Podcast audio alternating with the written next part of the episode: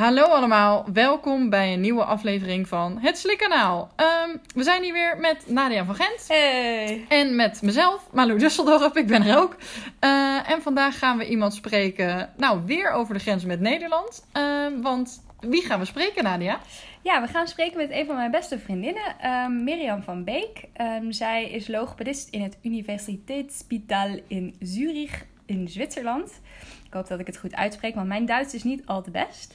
Um, ja, Mirjam komt zelf uh, oorspronkelijk uit Duitsland, uh, maar heeft gestudeerd en heel lang gewoond in Nederland. Dus zij kan ook gewoon Nederlands, dat is wel leuk. Ik ben heel blij dat je dit zegt, want mijn Duits is echt bar, bar slecht. Precies, ik hoef, ik, je hoeft geen Duits te praten. Geen zweet in de bilnaad, jongens. um, en um, nou ja, zij is op, uh, op zekere leeftijd is zij naar uh, Zwitserland geëmigreerd. Op zekere, Op leeftijd. zekere leeftijd. Is ze 80 ook of niet? Ja, precies. Oké. Okay. Ik weet ook niet waarom ik dat zei, maar uh, op een zeker moment wou ik zeggen. Eigenlijk. Ja, oké. Okay. Um, en daar werkt zij nu al, uh, ja, wat is het? Volgens mij twee, drie jaar. Ik uh, okay. durf het niet met 100% zekerheid te zeggen. Maar in ieder geval leuk om, om haar op een andere manier te spreken in deze podcast. En zij weet enorm veel, dus... Ja, en ik begreep van jou en van haar inmiddels ook dat het, dat het beleid ten aanzien van vooral de diagnostiek, als we het over slikken hebben, in Zwitserland echt wel een groot verschil heeft met Nederland. Ja. Dus daar gaan we voornamelijk het over hebben. Precies. En uh, ja, het kan zijn dat de verbinding misschien wat slechter is, omdat zij dus uh, nou, een paar grenzen verder uh, ja. achter de laptop zit. Nou ja, we, ga, we gaan het ontdekken. Laten we er erbij trekken. Hey, hey Mirjam. Leuk. Oh, sorry. Het is, ik zeg het al gelijk verkeerd. Volgens mij is het Mirjam, toch? Ja, Mirjam. Ja. Um, nou, wij uh, via Nadia zijn we met jou in uh, contact gekomen. Uh, of contact gekomen. Jij bent een vriendin van Nadia. Dat klopt. Ja, en jij woont in Zwitserland en werkt daar als logopedist in een ziekenhuis. Correct, ja. En uh, nou begreep ik dus via Nadia weer, die Nadia toch, dat in uh, Zwitserland is het echt wel anders logopedist zijn uh, wat betreft het ziekenhuiswerk dan zoals wij dat hier gewend zijn. Um, ja. Dus daar wilden we je zo meteen wat vragen over stellen. Maar als eerst kun je een beetje vertellen wie jij bent en, en wat je gedaan hebt logopedisch gezien, je carrière. wat ik logopedisch gedaan heb. Ja, ja ik uh, ben dus, uh, zoals we in de intro eerder al even besproken hebben, uh, in Duitsland opgegroeid. Um, je hoort het aan mijn accent, dus ik zeg bij deze alvast excuses als ik de woorden gebruik die niet bestaan in het Nederlands. het gaat er ondertussen een beetje uit. Um, ik heb logopedie gestudeerd, gestudeerd in Utrecht en um, daarna eerst een tijdje gewerkt, vooral in de revalidatie eigenlijk. En heb een paar jaar later mijn master gedaan in Global Health uh, in Maastricht, ook in Nederland dus. Um, en toen ben ik uh, begin 2018, dus iets van 2,5 jaar geleden, ben ik uh, naar Zwitserland verhuisd om daar te gaan werken. En daar werk ik in het universiteitsziekenhuis um, op de afdeling foniatrie en klinische logopedie. Um, eigenlijk een beetje laryngologie moet ik dan zeggen. Het is allemaal een klein beetje anders, denk ik, ook qua terminologie dan in Nederland. Um, en daar werk ik niet meer in de revalidatie dus, maar gewoon op uh, ja, eigenlijk acuut vooral de patiënten. Um, maar ook uh, ja, wat wij noemen ambulant. In het Nederlands zeg je meestal de polykliniek. Um, en ik zie voor het grootste deel dysfagiepatiënten allerlei soorten van uh, een presbyfagie tot een uh, vagofobie, uh, neurologie, tumorpatiënten, alles eigenlijk een beetje. Heel variërend ook. Heel erg, wat het heel erg leuk maakt, ja. en daarnaast heb ik ook stempatiënten, daar zien we ook echt alles wat je kan zien. En ik doe dat is dan een beetje buiten dat, het schiezenspreekuur, zoals jullie dat in Nederland noemen. Oh, is, uh, wat, wat, tof variërend, maar ook wat leuker dat je dus en ervaring hebt in, in Nederland, in de revalidatie, maar dus ook in Zwitserland. Dat je dat supergoed met elkaar ja, kunt vergelijken dan, uh, toch? Ja. Ja, ja, ja. ja, dat is ook de reden dat we jou uh, hebben uitgenodigd. Want er zijn natuurlijk wel meer logopedisten die, uh, ja, die Nederlands spreken misschien ook wel. Maar ook uh, die misschien in het buitenland werken. Dus we ook random logopedisten, andere logopedisten uit Zwitserland. Maar jij kan ook dus Nederlands, dus dat is handig. En ehm, nou ja, we willen van jou dus heel graag horen een beetje wat de verschillen zijn, maar ook, want jullie doen ook veel fees, dus daar willen we het ook wat over hebben. misschien beginnen wij beginnen, of ik weet niet of je nog zelf iets wilde zeggen. Nee, dat was het. nou ja, ik denk dat de grootste vraag die iedereen als eerste heeft, um, wat, wat zijn de grootste verschillen dan tussen, tussen de logopedie in Nederland en in Zwitserland? Ja, nou, er zijn er best een aantal kleine verschillen inderdaad, uh, maar ik denk dat er twee grote eigenlijk vooral zijn. Um, en het ene is dat uh, de opleiding voor logopedisten hier best wel heel anders is dan in Nederland. En het andere is dat uh, een groot deel van de, visie, eh, van de uh, dysfagietherapie niet door logopedisten, sorry, niet door logopedisten wordt afgedekt. Um, en als ik dan begin wat de opleiding betreft, um, is het in Nederland natuurlijk gewoon vier jaar. Je hebt een bachelor daarna. Um, je krijgt best wel wat uh, wetenschappelijk onderwijs ook erbij. Um, zoals we pas geleden op jullie podcast al een keer hebben, hebben gehoord. Nee, trouwe luisteraar, jij. ja, ja, ja. um, en in Zwitserland is logopedie eigenlijk, um, het valt onder de higher pedagogische beroepen. Dat klinkt nou heel vaag misschien, maar het is eigenlijk een beetje pedagogiek. Uh, en is dus eigenlijk niet echt een, ja, een, paramedisch beroep. Zoals dat in Nederland bijvoorbeeld is en in vele andere landen wel is. Maar dat houdt in dat eigenlijk de opleiding ook heel erg specifiek vooral ingaat op alle pedagogiek dingen. Dus uh, over de spraak- en taalverwerving. Um, heel erg kindergericht. Um, je krijgt wel afasie en dat soort dingen natuurlijk. Um, lees- en schrijfproblemen. Dat hoort daar allemaal heel erg bij. Dan moet ik zeggen, ik heb natuurlijk niet hier gestudeerd. Dus dit is echt alleen maar wat ik hoor van onze stagiaires en van de collega's. En de dysfagietherapie die krijgt eigenlijk best wel een hele kleine, ja, klein aandeel in de studie.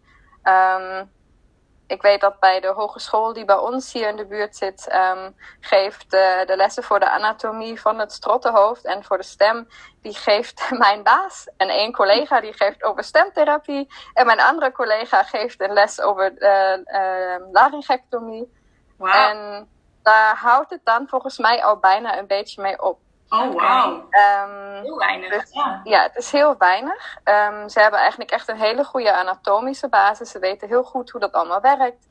Um, maar gewoon puur wat de therapie aangaat, krijgen ze best weinig mee uh, van de opleiding. En dat heeft gewoon de reden dat het een half pedagogisch uh, beroep is. En, en ja? merk je dat dan dus ook uh, vervolgens bij de. Ja, is daar een reden voor, zeg maar, vanuit, vanuit het onderwijs? Want je geeft al aan, je hebt onze vorige aflevering geluisterd, waarin echt daar met een bepaalde reden een bepaalde uh, curriculum wordt gevormd. Ja. Is daar, is daar in Zwitserland een bepaalde uh, keuze in gemaakt? Of wordt er misschien wel gedacht van, nou, ga als je daar echt meer over, over de therapie wil weten, ga dan nou, bijvoorbeeld naar, naar Nederland of, of hè, doe een cursus? Of, weet je daar iets van? Um, nou, dat wat ik weet is dat uh, de opleiding, in ieder geval die bij ons in de buurt zit, daarvan weet ik het dan vooral, want daar hebben we het meeste contact mee logisch. Um, die willen eigenlijk wel heel graag dat meer integreren. Dus wij hebben op een gegeven moment bijvoorbeeld aangeboden: oké, doe een soort van keuzemodule. En dat wordt dan echt enorm bezocht. Dat was binnen een dag was dat volgeboekt, omdat mensen dat zo graag willen doen. Ze hebben echt wel interesse. Um, het probleem is dat die opleiding dus zit binnen de hoe zeg ik dat in het Nederlands? Hogeschool voor Heilpedagogiek. um, en dus is dat curriculum natuurlijk, dat moet dan passen bij de school waar je zit. En je kan niet een paramedisch beroep eigenlijk soort van leren op een school die niet voor een paramedisch beroep gemaakt is, als dat logisch klinkt. Ja. Um, dus ze zijn heel erg, um, ze moeten bepaalde dingen uh, in de opleiding leggen die te maken hebben met pedagogiek. En dan blijft er heel weinig plek over uh, voor het klinische deel eigenlijk. Ja, ja precies. En uh, de opleiding hier duurt ook niet vier jaar, die duurt drie jaar.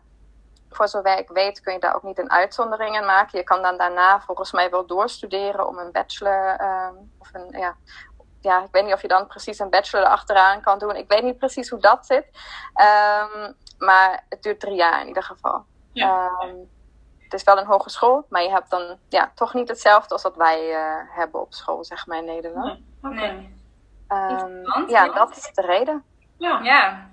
Ja. Oké. En je zei al eventjes, want dat is dan het, het, het opleidingsgedeelte verschil. En je gaf nog een tweede verschil ook aan van ehm, Ja.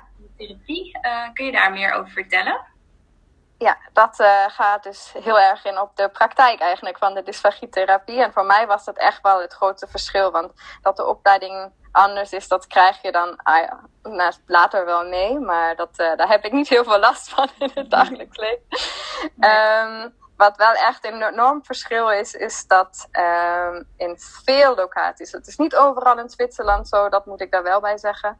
Maar bij ons is dat zo en in heel veel andere ziekenhuizen zeker ook dat ehm, de fysiotherapie en de ergotherapie een deel van de dysfagietherapie overnemen.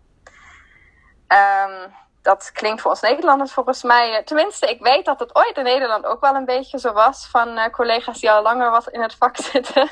Eh, wij kennen dat helemaal niet meer. Voor ons is dat heel gek, denk ik, dat dat, dat zo is. Ehm, er Ja, zijn wel landen waar dat echt in de handen van de ergotherapie zit. Bijvoorbeeld in Denemarken doet alleen de ergotherapie Ja. dat. En ik weet in Nederland zijn er nog steeds een paar grote ziekenhuizen waar de fysio eh, het preverbale zorg bij kinderen doet. En dat dat nu langzaam aan het overgaan is. Maar Ja. weet ik van collega's die echt ja, dat, dat is nog in het overgangsproces. En de kinderfysio's die daar ook nog, nog echt wel eh, moeite mee hebben dat los te laten. Precies. ja. En ik vind het wel, wel grappig om te merken hoe nu ook soms wel eens dan, eh, bijvoorbeeld nu met het COVID, dan wordt er gezegd, hé, hey, maar de logopedie wordt vergeten. Of hé, hey, dat stukje hoort eigenlijk bij de logopedie en niet bij de fysiotherapie. Dus juist logopedie gewoon nu ook meer voor zichzelf op, heb ik het idee van, maar dit is ons deel. Hier weten wij dingen. Ja. Maar dat is bij jullie dus in Zwitserland eh, minder het geval eh, nog. Of proberen jullie er wel wat aan te doen, maar is het nog een... Nou ja, het is nog best specifiek hoe dat werkt. Want tenminste voor mij, vanuit buitenkomende, zeg maar. Ehm, want in Nederland, zoals ik het beleef, zeg maar, is dat wij als logopedisten, wij doen dysfagietherapie. En dysfagie- dysfagietherapie is alles wat je maar kan doen eigenlijk om dat slikken beter te maken, toch? Ja, Ehm, corrigeer me als ik nou iets zeg wat in de laatste 2,5 jaar heel erg veranderd is. Maar we're with you. zo beleef ik dat. Ehm, en toen ik hier kwam was het voor mij heel bijzonder. Want eh, hier werd dan telkens gesproken over dat de logopedist, die doet FDT, dat is dan functionele dysfagietherapie. En de fysiotherapeuten die doen FOTT. En dat heeft ook ooit een keer in Nederland volgens mij bestaan. Of in ieder geval een eh, opleving gehad. Dat staat voor fatio-orale tracttherapie in het Duits. Volgens mij bijna hetzelfde in het Engels. Ehm, en dat laatste, dat is dus wat de fysiotherapeuten doen. eh, die FOTT. Ze noemen zichzelf dan ook niet een fysiotherapeut die dysfagietherapie geeft, maar een FOT-therapeut. Ehm, en dat zijn eigenlijk gewoon twee hele verschillende stromingen. En dat heeft een beetje daarmee te maken, of heel veel misschien zelfs daarmee te maken, hoe dat historisch is gegaan. Er waren heel weinig logopedisten, zoals bij jullie ook. Ehm, en eh, in het verleden, het was ook een beetje een Duits concept, dat FOTT.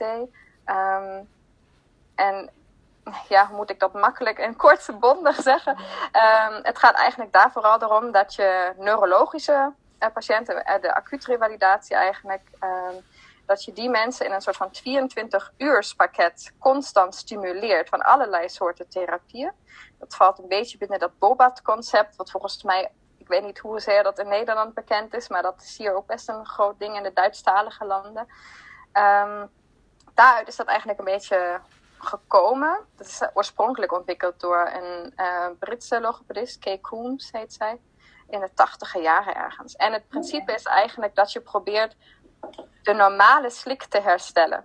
Dus je gaat eigenlijk door middel van stimulatie, als ik het even heel simpel mag zeggen, eh, van, de, van het gezicht en van de mond Mhm. eh, en oraal, eh, probeer je eigenlijk het slikken weer normaal te in combinatie met houdingsveranderingen. Dat je ze anders neerzet of beter neerzet enzovoort. Maar het idee is dus dat je brein eigenlijk eh, een soort van zichzelf herstelt. Zonder dat jij heel veel oefeningen zeg maar doet. Ehm, dus eh, bijvoorbeeld een, een chin down of een chin tuck te doen of een Mendelssohn manoeuvre. Dat zou je niet doen, want dat hoort daar niet bij. En zeker een compensatietechniek zoals uh, kind naar de borst, zeggen jullie volgens mij in Nederland. Um, uh, als je dat zou doen, dan zou dat niet de normale slik zijn. En dus hoort dat niet bij FOTT. Maar, en, is, ja, sorry, wow. ik krijg echt duizend en één vragen. Is daar echt ja, terecht. bewijs voor dat dat werkt? Nee, dat was mijn volgende zin inderdaad. Er is eigenlijk, tot zover ik weet, ik heb nog even een check gedaan voor dit, maar tot zover ik weet is er geen goed wetenschappelijk bewijs dat dit werkt. Je hebt wel anekdotische verhalen of zo van die case studies, maar je kan nooit echt zeggen dat het daaraan ligt dat het beter geworden is in die studies. Um, uh, ja, de patiënt is vooruitgegaan op zijn slikken in de eerste tien dagen van, van zijn uh, stroke. Ja, Ligt dat aan dat jij een beetje Ja. in de mond hebt zitten doen? Heb je, dat jij mondhygiëne hebt gedaan? Of ligt het eraan dat die gewoon wat beter geworden is? Ik denk, dat weet ik buiten neurologie allemaal wel, dat dat eh vanzelf ook een klein beetje beter wordt. Ja, en het doet me ook heel erg denken aan het gesprek wat we met Advice hadden over de tong. Dat, dat we, heb je die ook eh, gehoord? Dat, dat, eh, dat op het moment dat je oefeningen maar doet, omdat we ze altijd al maar doen, maar dat ze functioneel eigenlijk niks trainen in de plekken waar je ze moet trainen en verbeteren. Dat een beetje de vraag is, wat ben je dan precies eigenlijk aan het doen? Inderdaad. Ja. Dat is wel gelijk waar ik nu aan moet denken als ik dit hoor. ja, en terecht. En krijgen, krijgen patiënten dan daarnaast ook... Dat is eigenlijk een soort van doorgegaan, omdat, ja, omdat er veel fysiotherapeuten waren die dit dan deden. En het was een heel, eh, volgens mij was dat ook een beetje wat Ed zei, dat je, je wil altijd graag iets hebben van, oké, dit moet ik doen en dat werkt en dan wordt mijn patiënt beter. Oh ja. Eh, zo werkt het gewoon helaas niet. Maar ehm, dat is eigenlijk met dat programma ook een beetje zo. Je, je hebt een soort van structuur die je moet volgen, enigszins. Er zitten geen specifieke oefeningen bij, maar toch heb je een soort van schema wat je aanhoudt. En als ik dat doe, dan. En ehm, volgens mij heeft dat in Nederland nooit echt een. Die dat FOTT heeft volgens mij in Nederland nooit echt een.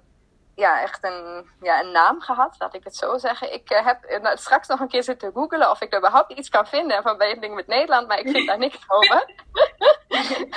Mooi. Ehm, en eh, in de negentiger jaren Het is dan in Duitsland een soort van beweging geweest, neurologen. En, en het was een heel groepje. En die hebben toen eigenlijk, wat ze de, in combinatie met ook nog een andere logopedist later, die daar een boek van schreef, Bartolomé heet zij. Die heeft dan de eh, functionele dysfagietherapie ontwikkeld, als ik het zo mag noemen. En dat is eigenlijk gewoon een collectie van eh, de manoeuvres die we doen, de, de, ja, eigenlijk alle oefeningen die wij zo doen en alle compensatietechnieken die we doen. Wat daar specifiek aan is, is eigenlijk alleen maar voor mij als Nederlandse logopedist die dit allemaal gewoon binnen de opleiding heeft geleerd. Voor mij is dat geen specifieke therapiemethode. Voor mij is dit gewoon, oké, dit is dysfagietherapie. Ja. Precies. Ja. Ehm, Ja. Maar wat specifiek aan de FDT is, is dat het een opbouw heeft van ehm, herstellende technieken. Dat zijn dus alle oefeningen die we echt doen met de patiënt. Ehm, compensatietechnieken, zoals de kin naar de borst enzovoort. En adaptieve technieken, en dat is gewoon dat je het eten en drinken aanpast. aan- qua consistentie of iemand een specifieke beker geeft, dat soort dingen. Ja. Ehm, dus dat is wat die FDT speciaal maakt. Maar voor mij is dat verder gewoon ja, de oefeningen die ik altijd al deed. En dat heeft wel een evidentie. Daar weten we dat sommige oefeningen beter werken dan andere. Ehm, ook al is er natuurlijk nog steeds weinig onderzoek over ons vak. Maar Ja. we hebben daar toch echt wel een beetje een, eh, een basis Ja. ehm, ja, van waarom we doen wat we doen. Ja. Ja, ja en ik, ik wil nog even over dat stukje overlap ook. Want, ehm, of tenminste over de fysio's. Want ik kan me wel herinneren dat wij in Nederland natuurlijk wel orofaciaal eh fysiotherapeuten hebben. Zou het een beetje daar misschien ook mee? Want die doen bijvoorbeeld ook wel trismus. En dan is het altijd de vraag van, doet de logopedist behandelt die de trismus? Of doet de orofaciaal therapeut dat? En dat is ook al een beetje al overlap, zeg maar. Dat de orofacialen al een beetje in de buurt van de logopedist eh, komen. Of, of andersom. Maar ja, het is een beetje het bekijkt. Ja. Ja, klopt. Ja, ik ehm, weet niet zo goed wat die fysiotherapeuten precies Nee. doen met de patiënten. Dus ik zou niet weten of dat hetzelfde is. Maar precies. het zou wel een overlap kunnen hebben, ja. Ja, ja. En ehm, even gezien de tijd, want we, dit is een heel mooi, heb je heel duidelijk uitgelegd eh, over de verschillen. Ehm, ik, ik, wij zijn ook heel benieuwd, omdat jullie volgens mij echt veel, of verbeter me, maar alleen maar vies doen eh, als slikonderzoek. Kun je daar meer over vertellen of uitleggen of schetsen hoe het eh, is bij jullie? Dat bij ons werkt, ja. uh, nou, in principe, je hebt gelijk. Het, uh, het uh, tool van keuze, zeg maar, is bij ons de, de fees. we doen ook elke week videofluoroscopieën, maar die doen we eigenlijk meer secundair. Dus als we na de fees nog een vraag hebben of de, de patiënt geen fees kan krijgen, voor wat voor reden dan ook, dan doen we inderdaad een videofluoroscopie. Um, ja, wat zal ik daarover zeggen? Het is, over het algemeen is het zo dat dat uh, altijd een combinatie, gewoon zoals het viesprotocol ooit bedacht is, uh, een combinatie van arts en logopedist is. Um, als we mensen van buitenaf krijgen die ambulant, dus via de polykliniek komen, dan um, ja, komen die gewoon op verwijzing en dan worden ze door een arts en een logopedist gezien. En als het binnen het ziekenhuis is dat die patiënt op een unit zit ligt, dan um, ja, worden wij geroepen om daar onderzoek te doen. Dat doen we off-bedside. We hebben een draagbaar endoscoop. Um, dan, dan is het altijd een arts en een logopedist, want dan heb je altijd een specialist erbij, zeg maar, die uh, ja, in het ergste geval uh, kan ingrijpen en echt weet waar hij het over heeft in het hoofdhalsgebied. Um, maar als die patiënten bij ons op de afdeling komen, wat ook heel makkelijk is, want dat kan in bed en alles, um, dan is het ook wel eens zo dat de logopedisten dat samen doen. Dus um, logopedist, logopedist. Ja. dus jij of je collega kan dat ook zelf uh, scoperen, zeg maar, of scopiëren. Ja. Dat klopt. Ja. Ik, ik, heb gelijk al wat vragen. Nou, ik, ik, wil, ik wil los. Ik wil los. het eerste wat je, wat je net vertelt, wat ik echt wel interessant vond, zegt: Oké, okay, wij doen altijd vies en eigenlijk secundair slikvideo. Daar heb ik twee vragen gelijk over. Want nou ja, in Nederland hebben wij sowieso een functioneel slikonderzoek. En wij doen, zijn gewend hier om daarna pas een vies of een slikvideo te doen. Laten we daarmee beginnen. Jullie doen dus nul functioneel slikonderzoek. Misschien hebben we daar groot verschil nummer drie. Die voor, mij, voor mij niet eens meer zo obvious is, omdat het voor mij al dagelijks uh, zaken zijn. Um, ja, dat klopt. Um, dat heeft denk ik vooral ook te maken met hoe onze afdeling in elkaar zit. We zijn een heel klein team dat echt een heel hecht team van logopedisten en artsen is. Um, dus ja, wij horen soort van echt wel bij elkaar, zeg maar. Um, en dat maakt dat we eigenlijk sowieso heel hecht dus willen kijken naar de patiënt. Dat uh, klinkt misschien een beetje vaag als ik dat zo zeg. Ja, maar, maar wij, wij willen niet eigenlijk dat, dat hebben we vroeger ooit gehad, blijkbaar. Toen was ik er niet. Maar uh, dat de logopedist klinisch onderzoek deed en dan de arts eventueel nog keek met de logopedist samen. Maar eigenlijk hebben we nu zoiets van: oké, okay, die patiënt uh, baseline komt bij ons allebei. Of bij twee logopedisten, nu dan voor de vies. Maar um, dan hebben we gewoon een goede baseline en dat is het. En ja, dat is gewoon hoe wij werken, zeg maar. Um, en daarnaast, naast dat dat gewoon onze werkwijze is, um, hebben wij heel sterk het gevoel dat wij vinden dat we niet kunnen zien wat we moeten behandelen als we niet het beeld erbij hebben. En dat is een heel groot luxe probleem, want dat heb je in de praktijk niet. En dat heb je in heel veel revalidatiecentra niet en dat heb je in heel veel verpleeghuizen niet. Uh, maar wij hebben die mogelijkheid. Dus wij, um, ja, wij zijn er echt van. Hoe moet ik weten dat ik de varingscontractie moet trainen als ik niet eens weet of die het wel doet of niet? Ja. Uh, of dat ik, uh, ja, nou ja, je weet, je snapt waar het over gaat. Ja, ja. En um, dat, je, dat jullie daar ook zo in gesupport worden door de artsen. Dat die dat net zo van belang ja. vinden als dat jullie dat zelf vinden. Absoluut. Mijn, uh, mijn baas, uh, dokter Bolender, die zegt altijd: wij zijn functiefetischisten. Oké, okay, mooi. Die onthoud ik. Leuk. Hoop dat ik ook ooit mijn baas dat kan laten. Ja, dat ik dat tegen mijn baas mag zeggen. Jij functie, functiefetischist. mooi. Ja, maar dat is wel een beetje zo. Daar, wij halen echt uit onze vies welke oefeningen we gaan doen. En we doen niks wat niet nuttig lijkt aan hand daarvan in principe. Nee, maar ik heb nog um, een vraag heel even over. Want heb je dan niet het idee, is misschien geweest vraag, dat je soms juist overviest? Dus dat je juist het idee hebt van, oh deze patiënt had echt totaal niet gehoeven, maar ik doe het omdat. Um, ja, dat uh, dacht ik in het begin, dacht toen ik uit Nederland kwam en daar heel veel functioneel slikonderzoek deed, had ik echt iets van, waar slaat dit op? Waarom zou je nou iedereen een vies gaan doen? Wat een ja. arme patiënt ook, elke keer dat endoscoop in zijn neus. Um, maar ik zie nu wel echt dat er mensen zijn waarbij ik dan op de afdeling bijvoorbeeld denk, ah, dit gaat eigenlijk volgens mij best goed. Mhm. En dan doen we een vies, dan denk ik, oei, oei, oei, hoe ziet dat eruit? Dit Ah. eh, gaat echt nog niet veilig. Ja. Ja. Ehm, en ik denk dat de kans dat je iemand ehm, misschien dan te voorzichtig behandelt, die is denk ik zeker aanwezig. Ehm, en daar zie ik dan een heel groot verschil tussen de artsen en logopedisten bij ons. Want wij logopedisten zijn niet zo voorzichtig wat dat aangaat. Eh, omdat we weten dat het ook nodig is dat je bepaalde dingen doet. Eh, terwijl de artsen soms heel voorzichtig willen zijn.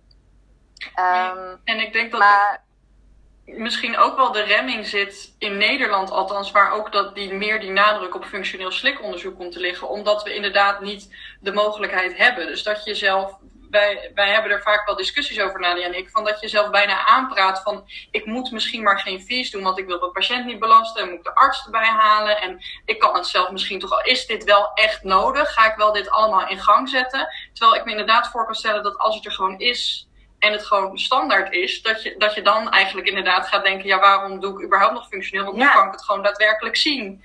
Eh, in plaats van met een beetje natte vingerwerk. Precies.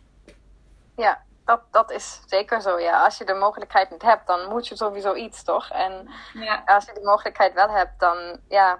Ik snap dat heel erg, want ik heb dat in Nederland zelf meegemaakt. Dat je dan denkt van ja, dan moet die patiënt misschien zelfs helemaal naar een ziekenhuis heen toe om dat te doen. Ja, Oeh, wat een gedoe.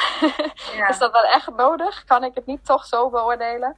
Ehm, maar nu ik het zelf 2,5 jaar eigenlijk altijd met een vies doe, denk ik, hoe heb ik ooit iemand goed kunnen behandelen zonder te weten wat daar precies binnenin gebeurt? Ja. Ja. Ehm, soms zijn we denk ik juist wel te voorzichtig. We hebben ook echt heel regelmatig. Misschien is het handig om erbij te zeggen dat de FOTT, dus de fysiotherapeuten, die doen dus wel alleen maar een functioneel. Dat is eigenlijk niet eens een functioneel stikonderzoek. Die doen een screening. De GOES heet die. Ehm, een Duits dingetje. Ehm, maar dat is eigenlijk een soort van een, een, een screening waar ze eigenlijk een beetje klinisch kijken of het goed gaat minder specifiek dan wij dat in Nederland doen, met alle zenuwen enzovoort. Maar ehm, ja, toch kijken zij wel. En zij hebben ook natuurlijk wel de ervaring. Dus in principe zou ik verwachten, oké, dat moet enigszins vergelijkbaar zijn met wat ik zou zien als ik die patiënt zie. En heel vaak zijn zij juist voorzichtig. En dan doen wij een vies en zeggen we, joh, die kan al lang veel meer. Ga je gang. Ehm, dus eh, ik zie allebei. Of dat het veel slechter is, of dat het veel beter is. Ik zou niet eens zeggen het ene veel meer dan de ander. Ik denk dat het bijna wel 50-50 is. Mhm. Maar het komt erop neer, heel vaak klopt dat wat wij zien in mijn opzicht niet. Nee. Precies. En dat vind ik heel stom om dat toe te geven. Want in Nederland deed ik alleen maar functioneel stikonderzoek. Ja. Maar ja, nu ik het zo zie, denk ik, ja, eigenlijk is dat niet best practice. En dat is eigenlijk dus ook al wat bijvoorbeeld Ed al zei. En wat we ook al in het gesprek met Erwin Scholten over de canule. Er wordt continu eigenlijk alleen maar bevestigd dat wij als logopedisten daar misschien dat niet durven. Want het is belastend voor personeelkosten, et cetera. Maar als je dan kijkt inderdaad naar best practice. Ja. Ja. Is dat dan niet toch best practice? En laten we ons niet afleiden door alle andere omstandigheden die we moeten maken als we zeggen ik wil een vies. Precies. Ja, en ik, ik voel me soms ook nog wel een beetje afhankelijk dus ook. Want wij, ik kan het zelf niet. Ik heb wel ooit een keer een viescursus gedaan. Maar ehm, dan heb je toch altijd de arts nodig. En die wil je dan niet belasten, weet je wel zo. Dus dat is wel, eh, dat vind ik ook het lastige eraan. Als je, want je- ja, jouw collega doet het geloof ik hè? Die, eh, die kan het zelf. eh, en jij bent volgens mij een opleiding of niet Ja, precies. voor de? Ehm, ja, dat, dat werkt hier inderdaad ook een beetje anders dan in Nederland volgens mij met de viesopleiding. Ik weet niet of je dat interessant vindt. Ik kan wel vertellen hoe dat zit, heel snel. Ja, kort ja, als je het kan. Want dan eh, daarna, we zitten al eh, Ja, lang, ik heb nog een, nog een Oh, nee, andere oh, vraag sorry. eigenlijk. Toch Sorry, niet, sorry. Mirjam.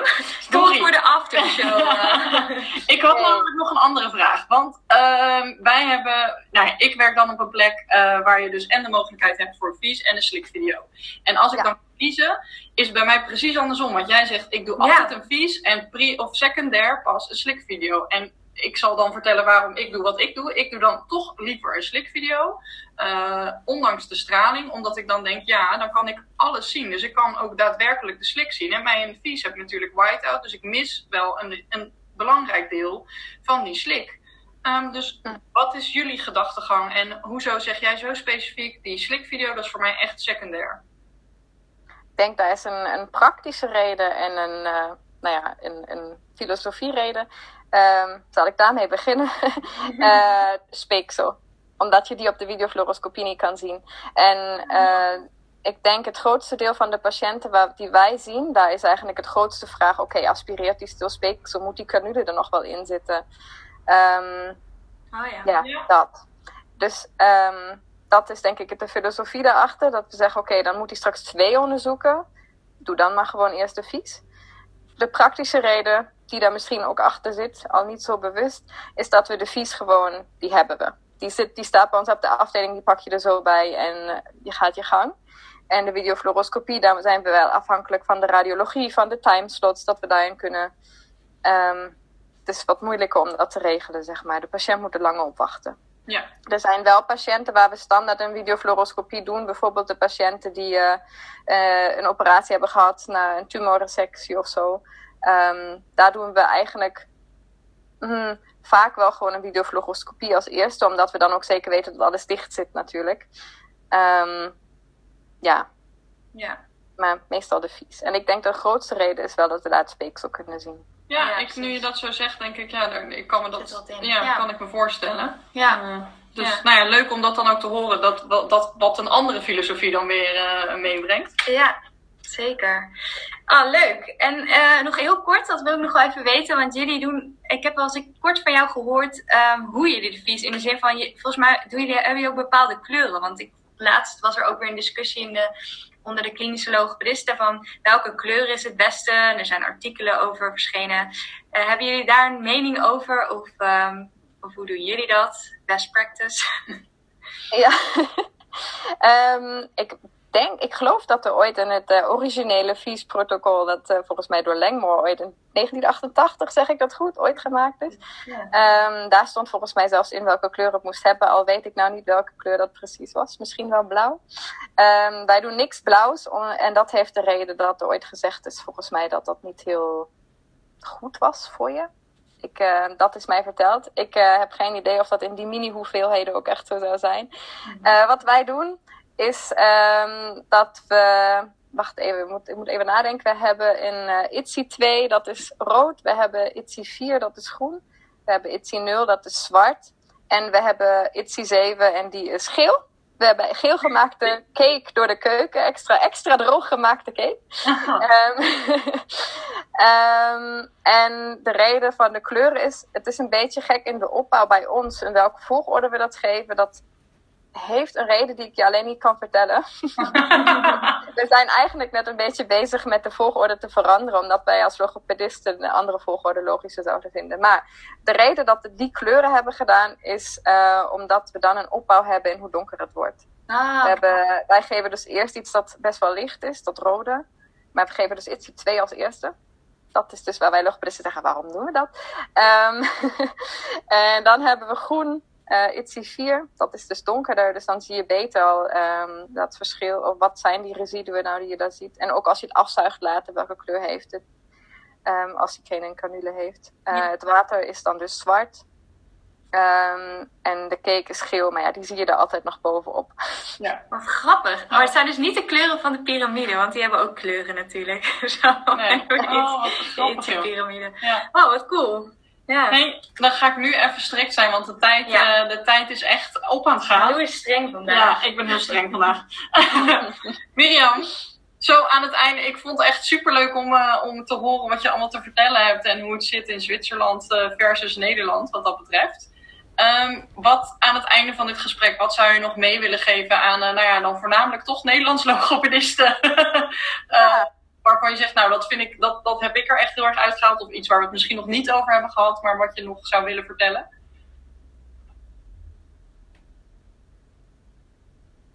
Ja, dat is uh, de vraag. Bij de anderen vroeg jullie altijd een soort van take-home message. En ik dacht, uh, joh, wat, uh, dat kan eigenlijk voor mij helemaal niet. Want ja, wat moet nou een Nederlandse logopedist meenemen uit Zwitserland? Maar toch wel iets. Um, ik denk twee dingen misschien zelfs. Eén ding is, ik denk dat uh, het viescurriculum uh, in de Duitsstalige landen heel goed is. Um, en dat zou ik hopen dat dat in Nederland ook echt veel sterker aan bod kan komen. Uh, dat logopedisten wat ja, makkelijker access hebben, hoe zeg je dat nou? Toegang hebben daartoe. Het is een heel moeilijk en strikt programma, curriculum wat je moet halen, maar dat is toch wel heel fijn, denk ik. Um, en dan mijn echt take-home message eigenlijk is, hoe ik dat hier heb gezien.